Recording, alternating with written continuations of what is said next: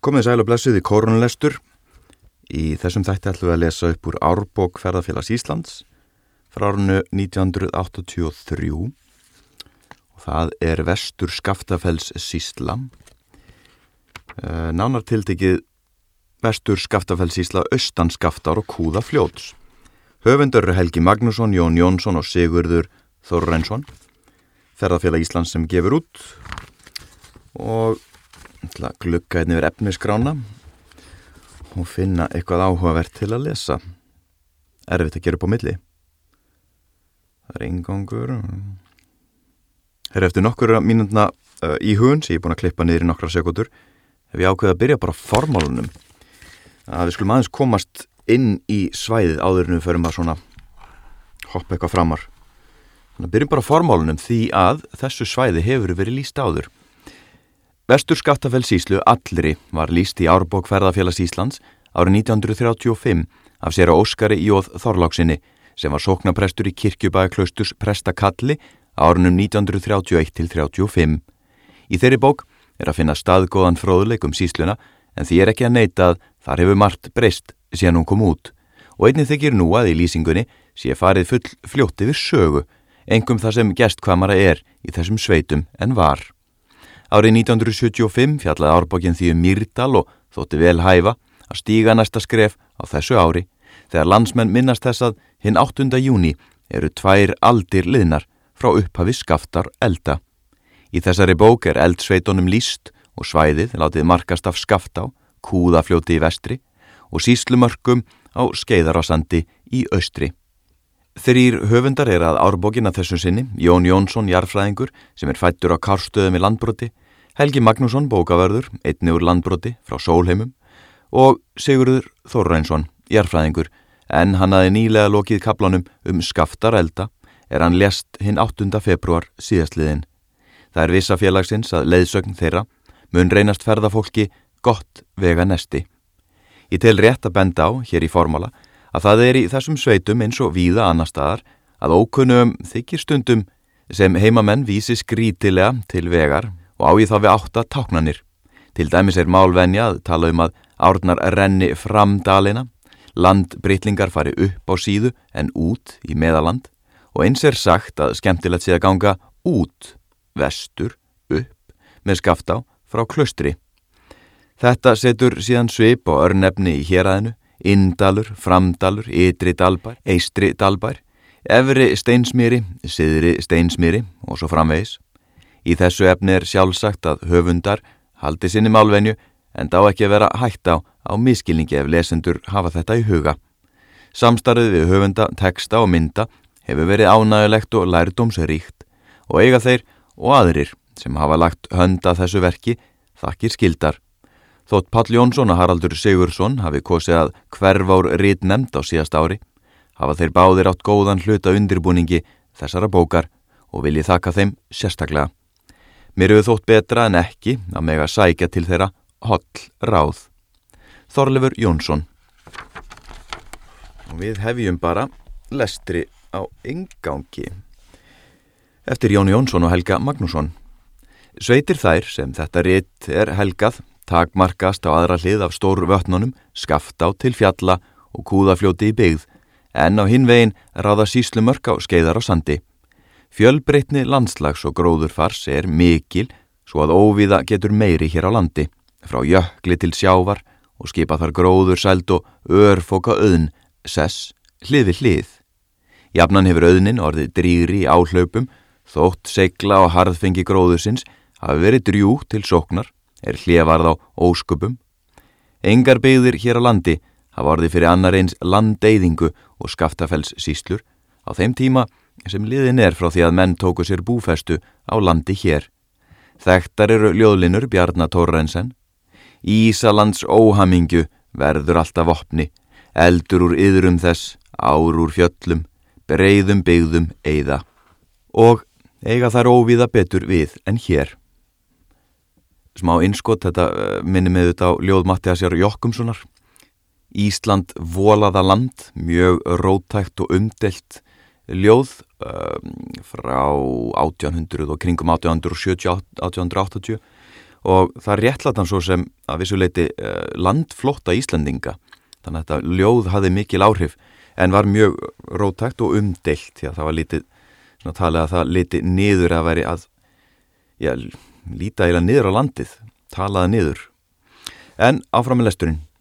Gjöfult gróðulendi hefur horfið í flaum jökulvatnana og á eftir hefur sandfókið lagt svarta lík blæju yfir eitta byggð og hraki það sem þraukað gátu úr einum stað í annan. Um örlög fólks og byggða á umliðnum öldum vita menn fátt, óljós munnmæli, vísubrót og eftir lill blásinn tóta brot á stökustad varpa leiftrum langt aftur í liðna tíð yfir byggðir og mannlíf sem einu sinni var. Eldur úr yðrum landsins kom einni við sögu svo um munaði og þess er nú minnst að 200 ári eru liðin frá því að upp komu skaftar eldar á síðumanna afrétti. Yfir landið laðist aska og eitruð móða og framdundi raun flóð meira en mannleg augu hafa séð er farði í kaf höfuból og fólk ríka bæi. Jón Stengrinsson og þar með kostamikil gróður lönd. Á eftir fyldu eftirminnlustu hörmungar í sögu lands og þjóðar, móðu harðindin sem árunum 1783 til 1786 feldu mikinn meiri hluta þess búfjár sem þá var í landinu og nær 20% þjóðarinnar. Hvergi svarf fastar að en í eld sveitonum og hvergi varð blóðtakan meiri en þar. Margir negu í skaftfelska mold en aðrir örmögnuðst í ókunnum stöðum, vestur í holdum, út í selvogi en kirkjubækur vitna kom austan úr eldi. Hér kemur spurningar innskott innslag, það er uh, spurning til eldri ættingja hvort að þau kannist við draugasögur uh, frá Stokkseri og Eirabakka og þar var drengur úti sem mér finnst endilega að koma rétt upp í huga núna, sem mér finnst endilega að hafi verið að flýja þetta ástand fyrir austan en hann varð úti og það var bondi sem að uh, tók ekki við honum, hann bankaði á dyr og, og baði um gistingu, honum var neitað um gistingu og lest um kvöldið og sagt er að fjölskyldu þessar hafi fyllt, fyllt bölvun uh, upp frá þessu og spuriði eldri ættingi að hvort þau kannist við þessu sögu. En áfram með lesturinn. En uppstitti um síðir, jörð kom yðja grænundan öskunni og gróður magn hennar aldrei meira. Fiskur dafnaði ám og vatnum. Ný byggð reys á bruna sandi þar sem jökul fljót hafi fyrr flæmstum sanda og mannlíf blómgaðist. Þannig hafa skipst á skín og skúrir í sögu hér að sinns og eyðingaröflin stundum auki haksald þeirra sem tókst að lifa. Framfæri sitt hafa menn laungum haft af söðkindinni, svo á þeim hlunindum sem fjara, vöttn og sandar buðu. Ver stöðvar voru yngar, enda hafn leysa, en stundum munu menn hafa gert álítið að því að róa frá sjávar ósum sér til nokkurar lífsbjargar. En margir fór á verti annar staðar, til söðurnesi á vestmanneja eða austur á land og svo gera menn enn. Land þröngt hefur víða verið og vallendi til slægna og beitar af skortnum skamti. Mikil breyting varði í búskapar háttum er farið var að gera áveitur í stórum stíl, snemma á þessar öld og aftur þegar tekið var að ræsa fram mýrarnar eftir 1940. Að því hefur stöðugt verið unnið síðan og mikil flæmi verið þurkuð og gerð á þeim tún. Má sumstaðar varðla ganga öllu lengra svo að lífriki votlendi sinns skadist ekki. En varð mikil breyting og miklu lífvænleira, víða, þegar mjölkur sala hófstum 1960 og gúabúskapur eldist mjög. Hlunnindi skipta nú minna máli en fyrrum og nýtjar ímessa þeirra aflögð að mestu. Sílungsveiði er þó stunduð, nú einni sem íþrótt og sækja menn að til að stunda hana. Veiðifélög hafa verið stopnuð um flest vatnasvæði. Samgöngur hafa löngum verið erfiðar innan hér að sinns og ennfrekar út fyrir það. Til vesturs og austurs. Verður nokkuð gerð grein fyrir þeim hér á eftir. Verstlun þurft að sækja við Storvötn fram til 1920 og um tíma var söðfið reykillist láturinnar langa leið. Fyrst til Reykjavíkur og síðan Víkur í Mýrdal. Svaðilfarir voru margar og ekki kom allir aftur úr þeim. Hér aðeð skiptist í fimm sveitir.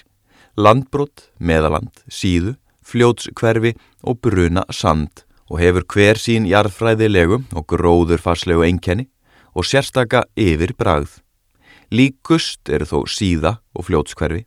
Sveitir þessar voru fyrir um saminnaðar í tveimur reppum, kleifareppi sem náði yfir fljótskverfi og brunasand, síðu og landbrott og leiðavallarreppi hinnum fórna sem náði yfir meðaland en auki skaftar tungu og alltaf ver.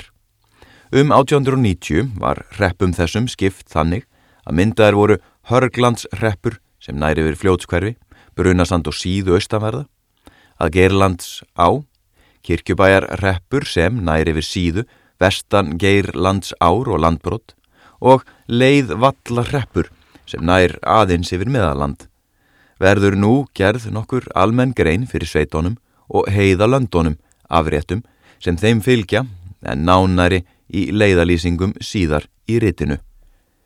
Landbrot Eins og getið er um á öðrum stað í þessu riti stendur byggð í landbroti á fórnu rauni og sem næstuð alveg á raunbrúninni og myndar breiðan sveig.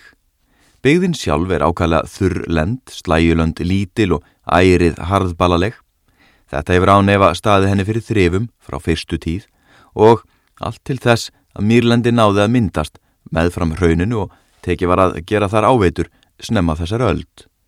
Með möguleikum til aukinar heiöflunar breytist hagur sveitarnar til hins betra.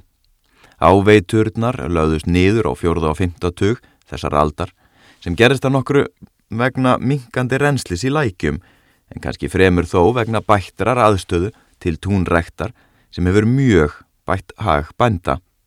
Heimalandi jarða í landbroti eru lítil en afréttur á fjalli víð lendur og víða vel gróin. Upp blástur og sandfók hefur oft valdið byggðinni og ómældu tjóni. Sandfókið hefur komið austanað en einnig hafa upptök þess verið innan sveitarnar sjálfrar þegar árkvíslar þornuðu.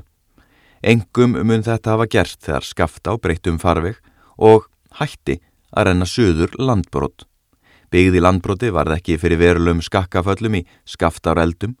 Hraun rann yfir land vestasta bæjarins við skaftá, ytri dalbæjar og umhverfisbæjin sjálfan og var hann eftir það fluttur nokkru austar, líka að bæ í holmi. Einni rann hraun yfir mela pláss í sunnanverðu landbroti. Í landnámabók er ekki getið byggðar í landbroti, þó er yngum efa bundið, á þeim tíma var landar gróið. Þetta vekur spurningar um það hvort landnám Eisteins degra hafi ekki náð yfir það svæði sem nú heitir meðaland og landbrott, það er að segja náð frá skaftá að kúða fljóti. Atiklisvert er að landnáma bók nefnir meðaland en ekki meðal land. Skýring Sveins Pálssonar á því nafni virðist sennileg og sé við hana bætt skýringu orðabóka á landbrótsnafninu virðist ekki allt of langsótt að gera ráð fyrir að um eitt og sama svæði sé að ræða. Landbrot hefur þá verið numið í landnámsöld en undir öðru nafni. Vertir að geta þess að einmitt þessi kapli í frásögn landnáma bókar er ákvæðlega rugglingslegur. Byggðar í landbroti er getið í njálsögu og máldagar sem taldir hafa verið skráðir um 1150 geta nokkur að bæja þar sem nú eru þekktir. Meðaland. Það ber þetta fram aftur. Meðalland alltaf sé meðaland eða meðalland ef þetta væri svona proper uh, útásáttur, svona stittir lestur og, og, og meiri viðtölu og vangahaltur þá myndur ég að ringja í einhvern, í einhvern uh, í meðalandi og spurja út í nafnið, breytingar á framburðu og svo framvegis en við höldum bara áfram hérna einin í hljóðklefa í lestri ég, þú og Árbókferðarfélags Íslands Sveitin sem þetta nafn ber er án Eva ein hinn lálendasta á landi hér. Jafnframt er varla nokkur annur sveit sem svo á í vöka verjast. Hún hlýtur að berjast fyrir tilveru sinni á tveim víðstöðum. Að austan ógnar henni sandfók sem lengi hefur leikið hana grátt en að vestan ráðast að henni stórfljót og jökul hlaup. Mestur hluti byggðarinnar stendur á sandi og halli á landinu er afar lítill eða víða aðeins um einn metra á kílometr. Norðanasveitinni likja raun og standa nokkrir austustu bæjana uppi á raunni.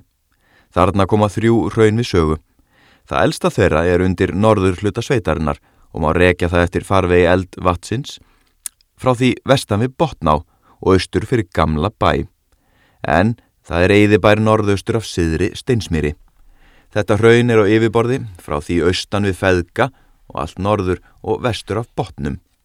Á þessu svæði og í fljóts botni eru upptök eld vatsins. Þar eru lindir margar sem kom upp úr þessu hrauni og að nokkuru undan því hrauni sem er næst ofan á því. En það er sama á landbróts hraun. Geysi vassmiklar uppsprettur eru í farvegi eldvatsins norður af nöysum. Það vatn kemur undan þessu neðsta hrauni, að öðru leiti er hraunið sandkafið og því ekki vitað hver langt söður það kann að ná. Það kemur hins vegar fram við eldvatni hjá ásum, gengt ytri ásum. Þetta hraun er nánast eins og skaftáreldar hraun og er á nefa komið á sama svæði.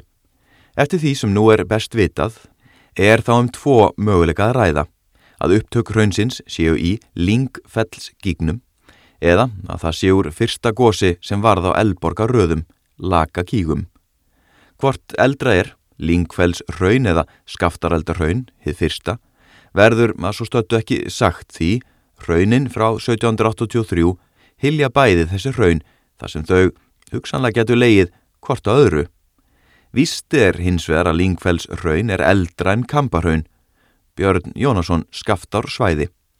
Herru, ég beðist þess afsökunar, eh, svona varandi consistency, þá er náttúrulega stundum í svega að vera sko vísa í ákveðnar heimildir og uh, ég hef ekki alltaf lesið að það er svona misþjált hvernig það kemur inn í inn í lesturinn og ef við notum þetta sem smá svona uh, insýn í hljóðbókalestur þá auðvitað væri þetta eitthvað sem væri gert skýrt alveg frá upphafi hvernig alltaf tækla þetta. En ég viðkenna þessi lestur hjá mér hann er svona, hann er svolítið flæðandi í þessu. Og það er náttúrulega gerist ekki að ég tali við hlustendur beint eins og hér. Og ég vona að það sé ásættanlegt fyrir gefið, ég veit ekki hvað að segja. En já, ekki að beðast afsökunar. Ég ákvaða að gera þetta svona þannig að þangarlega einhver lokar fyrir þessa nálgun að þá held ég áfram svona en uh, auðvitað eru alla þessar heimildir í árbókonum svart á kvítu. Áfram með lesturinn. Vel geti hugsast að gósið hafi á báðum þessum stöðum samtímis. Næst ofan á þessu hrauni er þykkur hraunbungi sem í meðalandi er mest áberandi kringum botna. Þar kemur fram all þygt sandlag millir þessara hrauna. Efra hraunið er mjög frábriðið hinnum, þar að segja skaftaralda hraununum og lingfells hrauni og sversi ætt við elgjar raunin og raun frá eldstöðunum norðaustur af Mýrdalsjökli á samt köllu. Þetta er eins og áður segir án Eva, sama raun og landbrótsraunið. Loks er svo skaftaraldar raun frá 1783 sem laði talsverað sneið af meðalandi undir sig, Holma og kirkjustadin og kirkjuna í Holmaseli sem eitust með öllu. Botna og fljóta bæina sem voru fluttir út fyrir raunið Utan hraunana eru það vöttn og vindar sem flutt hafa til efni í þessa sveit og verðast mestu ráða um tilveru hennar vöxt og viðgang. Efstu bæir í meðalandi standa á landbrótshrauninu en megin byggðin er niður á sandinum, á þurrlendis rimum en umhverjus úr áður blöytar mýrar sem nú hafi ræstar fram á stórum svæðum. Búskapar skilirði voru kröpp í meðalandi en fólk margt og lífskjör því afar þraung fram á þessa öld en bylting varði í búnaðarháttum við framræsluna og einni við heftingu sand fóksins og uppgræslu sand flæmana. Er þar nú góð skiliði til búskapar, upprekstur höfðu meðalendingar fyrrum til heiða en hættu honum fyrir nokkrum árum er heimahagar höfðu batnað mjög. Síða og fljóts hverfi. Nei, hverki veit í land með slíkum ljóma, segir Jakob Skáld Torrensen í hvaði sínu, sumar og síðu og munu margir taka undir þau orð, enda tæljana margir fegustu sveit Suðurlands. Mikil fenglegastur er fjallarhingurinn frá Fossnúpi til Skálar fjalls. Skiptast þar á þverbrött hamra belti ofan við grasigrónar og skriðulösar hlýðar og svæði þar sem landi hækkar í þrepum upp til efstu marka. Hvergi eru þessi fjöll sérlega há, Kaldbakur 708 metrar, Marknúkur á Geirlands raunni 648 metrar en þessi fjöll ber hæst séð úr byggð. Hvergi fæst betri yfir sín yfir þennan glæsta heiðar ring heldur enn úr land broti. Í austri, eða réttar satt norðaustri, hefstinn mikli fjallarhingur með örafa tanni, sem svo er hér kalluð, en þar sínast fjallin dragast úti ekki neitt. Í hyllingum fer táin á flót og einstakar sinnum fylgir ingólsæði með og sínist komin út á miðjan skeiðar á sand. Svo reysir sig örafajökull í öllu síni veldi og tegir ís ramma niður á sléttlendi. Sá mikli fjallaklasi endar í færnistindum austan við skeiðar á jökul sem treðst frammilli fjallana, flatur og dökkur af sandi og leir. Þessu næst taka fljóts hverfis fjöllin með lómagnúp sem útvörð við eigði sandin. Inn af honum eru björnin, alltaf er sem einhver blámi sé um lómagnúp úr fjarska séð og þann bláma verist hann eiga enn þótt önnur fjöll í svipaðri fjarlægð sjö án hans. Næst þar vestan við ber harðskafa hæst og svo dalseiði. Eftir það taka síðu fjöll við með foss núb, austast og bjarnarháls en skilin frá fjöllunum er orustu holl yfirgnæfir kaldbakur og vestan hans lampatungur og geir lands raun. Hérðan séð enda síðufjöllin að vestan í skálar fjalli og þá taka við undirfjöll Myrdals jökuls og loks hann sjálfur með sína tvo jökul hnúka en millir þeirra í jökuldalnum sefur Katla. Í austri og vestri halda voldug eldfjöll vörð en lengst og dýfst í örafanum inni er eilíf glóðin. Jarðar kingi reyði og hefur byðin svo sannarlega fengið á ímsu að kenna í aldana rás. Hér á við það sem Þorstein Erlingsson orti. Þennan glæsta heiðar ring, hér er kærsta skoða, eldi læstan allt um kring, út í fjärsta róða. Í hverfinu, eins og fljóts hverfi er í daglegu tali nefnt hér innan sveita, er landslag nokkuð með öðrum hætt en á síðu. Sérstæðan svip fá hverfis fjöllin að því að þau eru sundur skoran af dölum með megin stefnu norð-vestur-suðaustur, þar að segja sem næst horn rétt á stefnu gós beltisins. Þessa stefnu dalana má raunar rekja um allt það svæði sem hér er um að ræða. Á þennan hátt koma fram næsta áberandi ryggir í landslæginu, austast með lómagnúp, björnin, þá rauðabergs og núbstaðar heiði, svo kálvafellsheiði með harskafa fremst og loks dalsfjall, hnútu og brattháls. Einni má segja að eistra fjall falli inn í þessa mynd sem verður jafnvel enn meir ábyrjandi ef teknar eru smæri einingar. Ekki verður hér er eint að ráða í hvað þessu kunna valda en það likur það utan ramma þessar frásagnar. Sjálfsagt tekur margur ferðamadurinn eftir skarði því sem er í lómagnúpi framann verðum. Skarð þetta heitir Tittlingar skarð og er raunar söður hliðin á sigdalega sig spildu sem þarna gengur þvert gegnum núpin. Vel sér fyrir þessum sprungum, niður gegnum bergið, allt til þess að skriða og brekka tekur við. Á þessum staðfjall skriðan mikla, hlaupið, úr núpnum í júli 1789. Ekki þarf að efast um að þetta sprungubelti er hluti af megin sprungubelti landsins og skal nokkuð nánar að því vikið. Ef litið er á hvort heldur er loftmyndir eða gott kort, til dæmis nýjasta kort í mæli hverða 1.50.000 yfir fljótskverfi, fer vart hjá því að það veki aðtikli að gil og gljúfur í fjöllunum báðum einn dalana standast næstum eða alveg á. Þannig koma fram línur, næsta reglulegar í landslæginu, en auðveldara er að få yfirlit yfir þær á korti og loftmyndum en í landslæginu sjálfu. Augljóst er að þarna erum að ræða sprungur og misgengi í berggrunni landsins. Þær eru hvað greinilegastar í fljóts hverfi en verða óljósar þegar vestur og síðufjöllin kemur. Já, til með að skjóta hérna inn í náttúrulega hvað við lifum á alveg ótrúlega merkilegum uh, tímum þegar kemur að tækninni og insinn í landslæð í gegnum hluti eins og Google Earth að geta með gerfin hætta myndu núna, bara almenningur á tölvinni heima summað niður uh, farið neðar og nær og nær landslæginu og séð svona heildarmynd og fengið skilning á því hvernig landi byggjast upp. Uh, svona þegar ég var allast upp á mínum úlínsárum þá þetta, þetta voru tölfur annars líkt en, en ekki Google Earth. Þannig að það að vera með uppleift landakort sem maður fekk í fermingagjöf var náttúrulega mjög skemmtileg sín á landið að sjá bungur og hálendu og allt þetta. En núna geta notað svona tölvuteknina og fengi alveg ótrúlega ótrúlega einsýn er magnað.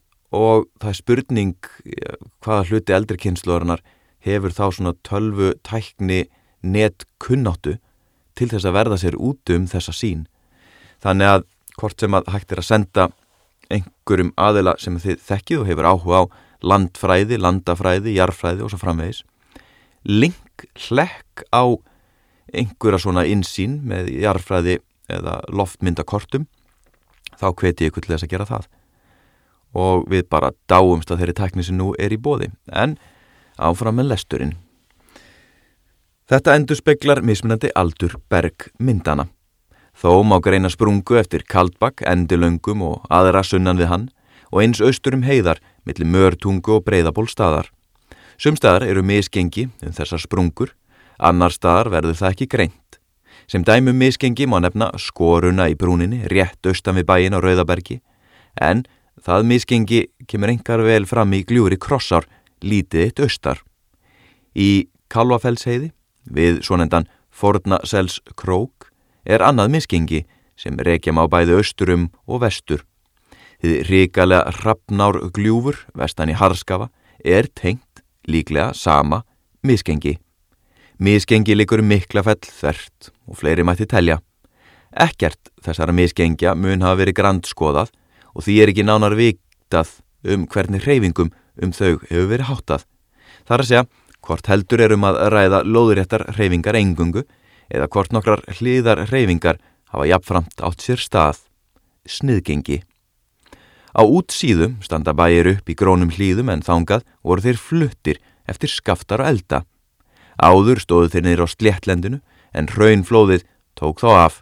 Skaftárdal, á, skál, holt á samt viðáttu miklu gróðalendi og rak skaftá upp að hlýðunum sem gerði hungubakka óbyggilega. Vestan við kirkjubæjaklaustur fellur áinn frá fjallinu og hefst þar valllendis ræma sem nær austur að þverar núpi. Mísjaflega breið og, og standa bæirnir á henni. Við brekkurætur, flestir, framar eru mýrar sem nú hafi verið ræstar fram að mestu leiti og síðan sandar og vatna gljár til sjávar. Upp yfir eru gróin heiðaland sem fylgja bæjónum og ofar síðumanna afréttur. Austan við þverar núp fjall fram eistri elva skaftaraldar hrauns og tók af tvo bæi, eistri dal í fljótskverfi og vestri dal á síðu, en krefti einnig mjög að þver á, sem nú er austasti bær á síðu. Vestustu bæir í fljótskverfi standa upp í grónum hlýðum, ofan við skaftaraldar hraunið, en aðrir við brekkur rætur líkt og á síðu. Nefna tveir sem eru frammi á aðkreftum vallendis skika, leifum mikils gróins undirlendis sem vötna á brotið og lagt í auðun. Gömul hraun, meir og minna gróin, taka yfir mestan hluta undirlendis í fljótskverfi en söður af byðinni eru sandar og vatnagljár líkt og austur síðu. Gróin heiðalönd eru ofar og eiga flestar jarðir landin að jökli. Grösugt og gróður sælt er undir hlýðum síðu og fljótskverfis fjalla og hefur verið miklu betra undir bú að leggja en í hinnum hrjáðu sveitum lálendisins sem fyrr var líst. Bruna sandur Brunasandur, kallast sandflæmi sem kringir skaftaraldar hraunið, eistra, aðsunnaverðu og liggur fram til sjávar, millir fossála landbróts vatna að vestan og eldvatt svo síðar hverfisvatna að austan.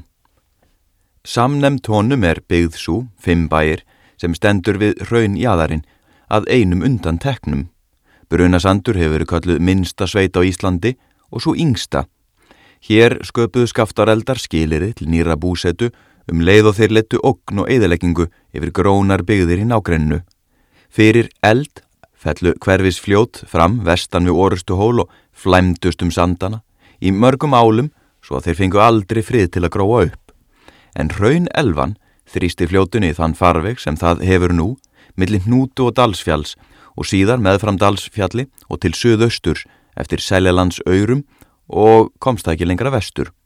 Tók þá sandurinn að gróa upp með fram raunbrúninni og hjálpaði þar til hið varma vatn sem fjall undan brúninni áður en raunnið kólnaði. En falla lækir undan rauninu þótti minna mæli sé og voru þeir notaðir til áveitna með góðum árangri framan að þessar öld. Gróður lendið færið út kvíarnar fram á sandin með tímanum. Neðar voru allmikil melalönd en þau eru nú að mestu horfin í gras.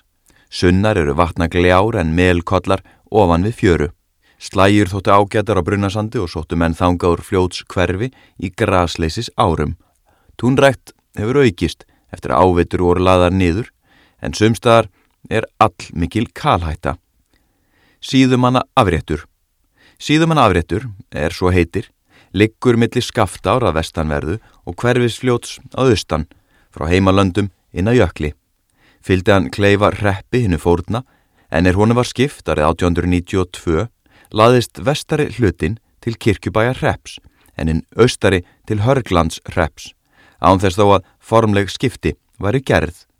Landfræðileg skil eru ekki glögg mill afréttar hlutana og ráða hefðir miklum smalamennsku en allur afrétturinn er smalaður samtímis. Afréttur kirkjubæjar reps skiptist í vestur eða landbróts afrétt og mið afrétt. Bændur í landbróti eiga upprekstur á vestur afrétt en bændur á útsíðu reka á mið afrétt. Tveir leitarmanna kofar eru á hvorum afrétt um sig, á vestur afrétti í Rossatungum og Leiðólsfelli og á mið afrétti í Blágiljum og Eintúna hálsi. Smá innskott hérna, það kemur upp í huga minn svona vangaveltanum áhrifin af svona landbúnar pólitík eða reppa pólitík eða hvernig sem maður lítur á þetta. Það er að segja uh, hvar hún byrtist í, í, svona, í ljósi sögunar er ofta öðvöld að sjá þetta skýrt en svo náttúrulega þegar bara þegar farið að, að smala þá gerir ráð fyrir þetta sé ekkit í nakkanum á fólki og það sé ykkur ég gerir ráð fyrir því að það sé ekki svona ykkur, ykkur tókstritt á milli á milli leitafólks úr ólíkum svæðum. Og þó þetta er eitthvað sem maður veit ekki þegar maður er ekki nátengdur landbúnaði en þeir sem að kannski eiga ættingja, eldri ættingja eða bara ættingja út á landi sem eru bændur akkur ekki ringja og spjalla og forvittnast um uh, afrétti og, og svo framvegis. En allavega þetta var enn einn innskots út úr dúrin hvert voru komin já, leitir taka fjóra daga í fyrsta sapni á vestur og mið afrétti á fyrsta degi fara vestur afréttar menn inn í rossa tungur og mið afréttar menn inn í blágil. Á öðrum degi er farið í einsta hluta afréttarins. Þá er farið skerin, úlvarsdals sker og verður að smala þau gangandi eins og skaftaraldar hraunið. Mætast vestur og miðafréttar menn í lingfelli, fylgjast aðinn í stakafell og smala svo fram hvori sínu megin og er komið í sömu náttstæða kvöldi. Þriðja daginn er smalaður fremri hluti afréttana og náttað í leiðólsfelli og einn túna hálsi og fjórðadaginn er komið fram og réttað næsta dag í ytri dalbæjarétt. Hellis á var til skams tíma, mikill faratálmi í vatnavöxtum og þurftu menn þá að likja fyrir innan hana, stundum dögum saman, en brú var sett ána árið 1979 fyrir innan Geirlands hraun. Östur afréttur fylgir Hörglands reppi, eins og aðra var sagt, og eiga bændur og östur síðu og brunasandi upprekstur á hann. Þessi luti afréttarins er gróðurlausar en mið og vestur afréttur og leitar fyrir vestur þangað í Miklafelli og leitar fyrir vestur þangað framan af sumri en snýr austur á bóin er fyrir að hausta. Leitar manna kofi er í Miklafelli og annar í Blæng en sá kofi er nú lítið notaður. Þrjá daga tekur að smala austur af rétt í fyrsta sapni.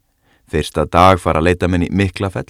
Annan daginn er smalaður innri hluti afréttarins og komið er aftur í Miklafell og þriðja daginn er komið fram og fjöð er ekki til fossiréttar. Fyrrum var farangur leitamanna fluttur á hestum millir náttstaða en nú hafa verið ruttar brautur um afréttin og er farangur fluttur á bílum. Miklar breytingar auð á síðumanna afrétti í skaftaröldum, raun rann suðvestur afréttin og fyllt upp farvegi rossa tungna ár, varmár, skaftár og einni hellisár að hluta. Rann raunið þannig yfir gróður sælasta hluta afréttarins og eidilaði hann, til dæmis í varmárdal. Ekki er einsvitað um eidileggingu á austurafrétti þar sem austari raun kvíslinn fór, en hann er allur hrjóstugri, eins og fyrir segir. Um þetta segir sér að Jón Stengrimsson. Hvílik umbreyting hér varði í náttúrulegum hlutum til enn betra góðs, sérst enn minnst af, þó sérst Guðs réttvís í því að hann eidilaði að mestuleiti það graskjapna og kjarn besta land, afréttin, sem hér fyldi, sem það árlega uppstígandi dramblæti mannana foraktaði, sem einskísverðan hlut eða þarf lausan fyrir sinn kvikfinnað, eins og áður fyrir hafði gjört verið. Fullkomi skrif um síðueld. Nú er raunið farað að gróa upp, sérstaklega það sem rakir nógur og annar staðar er víða all gott beitiland á mýrum og í giljum. Mesta gróðurlendið er löffells mýrar, fyrir innan Geirlands raun, en einnig grösuar mýrar í Rossatungum, söðvestur af Hnútu og teyingar heita grónir skikar í hennu forna Varmár dal. Hér var uh, vísaði Jón Stengriðsson, eld klerkin, hann skrifaði mertritt, uh, eða skrifaði mikið um, um skaftaralda. Við erum komin í samgöngur fyrr og nú, það verður næstu lestur.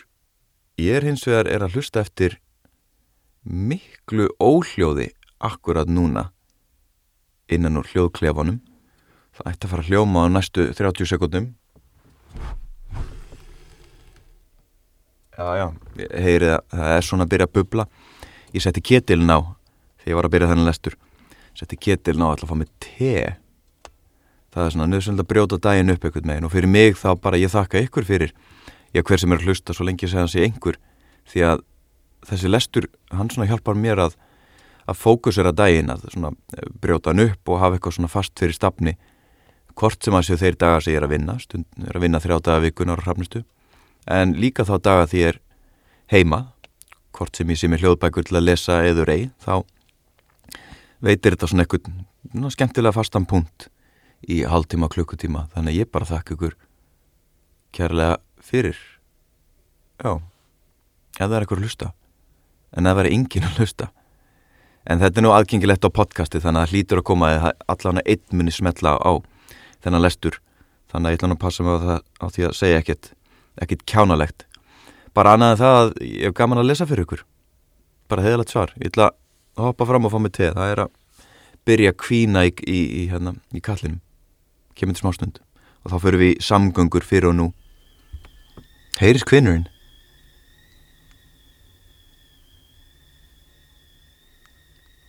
skemmtilegt hljóð. Jæja, þá höldum við að fram lesturinnum eftir teballa Samgöngur fyrr og nú. Samgöngur í þessum sveitum breytust líkt frá því á landnámsöld, allt fram á þriðjatug þessar aldar. Hesturinn var eina faratækja á landi, ferjur voru aðeins á fjórum stöðum, nefnilega á Skaftá hjá Skaftárdal og Kirkjubæðuklaustri, á eldvatninu hjá Svínadal, Svínadalsvatni og á eldvatninu hjá Fljótum, en einnig aðeins tímabundið á Kúðafljóti. Skaftaraldar hraun varð frá byrjun, mikill faratalmi fyrir sveitirnar, austan þess. Fljótlega var farið yfir hraunið hjá Skaftardal og vafalust fyrst þar. Mun þá af síðunni mest hafa verið farið út heiðar og um Holtsdal. Snemma var þó rutt hestagata, austur hraunið, frá ferjustaðnum og svo austur hjá Skálarstapa þrætt leið með fram Skaftá, allt austur á Svírá, en þar var almennur áningar staður þar til bílaöldin gekk í garð.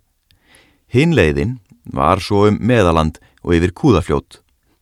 Það var laung leið og seinfarin og kúðafljót meðal verstu vassfalla yfir að fara. Árið 1907 var sett brú á eldvatnið hjá Ásum, Ásavatn og á áránum 1909 til 1910 var vegur ruttur þaðan yfir skaftaraldar hraun í beitnistefnu á Dalbæjar Stapa. Mikil bót var að sjálfsögða að þessu en tæknileg mistök á gerð vegarins urðu þess valdandi að Hann nýttist ekki sem besta vetri til. Hann var ruttur gegnum raunnið en ekki beigður upp. Varð hann því að tröðum sem vildu fyllast af snjó og gatt raunnið því orðið ófært langtímum saman án þess að mikinn snjó var að ræða. Úr fljótskverfi varð fyrst lengi vel að fara sunnan við raunnið og þá jafnframt yfir hverfis fljót og brunná vestur af kvóli. Var það mjög slæmur vegur sökum þess hvað vatn var oft djúft og mikið um sand bleitur. Síðan var tekið að fara, evra, þar að segja sem næst beint vestur af núpum í stefnu á þverá. Var svo leiðstundum farin líka eftir að brýr kom á brunná og hverfisfljót árið 1913. Hún var að sjálfsögðu miklu stittri og sæmilega greiðfær, var þá farið framan undir síðufjöllum og yfir skafta á brú sem á hana var sett fyrir austan kirkjubæðaklaustur, laust fyrir 1910. Sagnir eru um að brú hafi verið á ánni hjá kirkjubæðaklaustri fyrrum, lásu kvöð á kirkjubæðaklaustri að viðhalda henni og var því reka fjara löð til klaustursins sem enn heitir Brúar fjara. Íslenskar þjóðsögur og ævintýri. Brúar hlað heitir Klettur sunnan ár fram af klaustri. Þar var ferjustadur og vað litlu austar. Meðan yngar ár voru brúar var það treyst á hestin og hefni vatna mannsins en svo voru þeir nefndir er slingir voru í því að velja vöð á ströym vötnum. Reyndi það bæði á glöggskigni og dirsku manna og á tröstleika hestsins. Einstaka maður var hrættur í vötnum og voru slíkir ekki hátt skrifaðir meðal almennings. Mikið reyð á að hafa trösta hesta í þeim svaðilförum sem þarna varð ofta að leggja í. Eitt af því sem var talið tröstveikjandi var að það hver öryggir hestar væri í vatni var vatna stingurinn en Það er sveipur á hári hests rétt aftan við kverkina. Væri hann fyrir hendi var það talið gott, en væri hann báðu megin var sagt að vatnastingurinn væri í gegn. Var það trú mannað, ekki færist maður í vatni af þeim hesti sem hefði vatnasting gegnum hálsin. Fram á síðustu tugi, síðastlinnar aldar, voru vestlunastæðir þessara hýraða á Eirabakka eða Papós. Ef litið er á kort yfir Skattafells síslur, blasir við sá mikli vatnaklasi sem yfir varð að fara. Löggiltur verslunastæður varði í Vík 1887. Först verslun verður þar þó ekki fyrir en 1890. Úr þeim sveitum, sem hér í fjallaðum, var farið yfir skafta á fimm stöðum, nefnilega hjálp skaftar Dal, Heiði, Holmi, í Ásgarðs hólum og yfir landbróts vötn, í heild-austur af uppsala hálsi í landbróti. Haug þess aði skálar bondi, báta ánni, við bæinn til eigin afnóta. Eldvatnið hjá Svínadal var, eins og áður segir, ferjuvatn og hestar sund laðir. Yfir eldvatnið meðalandi var ímist farið á ferju, hjá fljótum eða vaði nálat feðgum. Djúpa á í fljótskverri var að sumri til að jafnaði talsvert vass mikil og oft erfið yfir ferðar. Í hana hafa komið hlaup og komið hefur fyrir að hún hafi verið nær ófær jafnvel mánuðum saman. Svo skeiði til dæmis sömarið 1934. Enda þótt jökulárnar væru mestu torfærurnar ferði í fjarrri aðrar ár væru alltaf auðveldar yfirferðar. Engum voru það geirlands á síðu og tungufljóti skaftártungu sem valdi gáttu erfið leikum.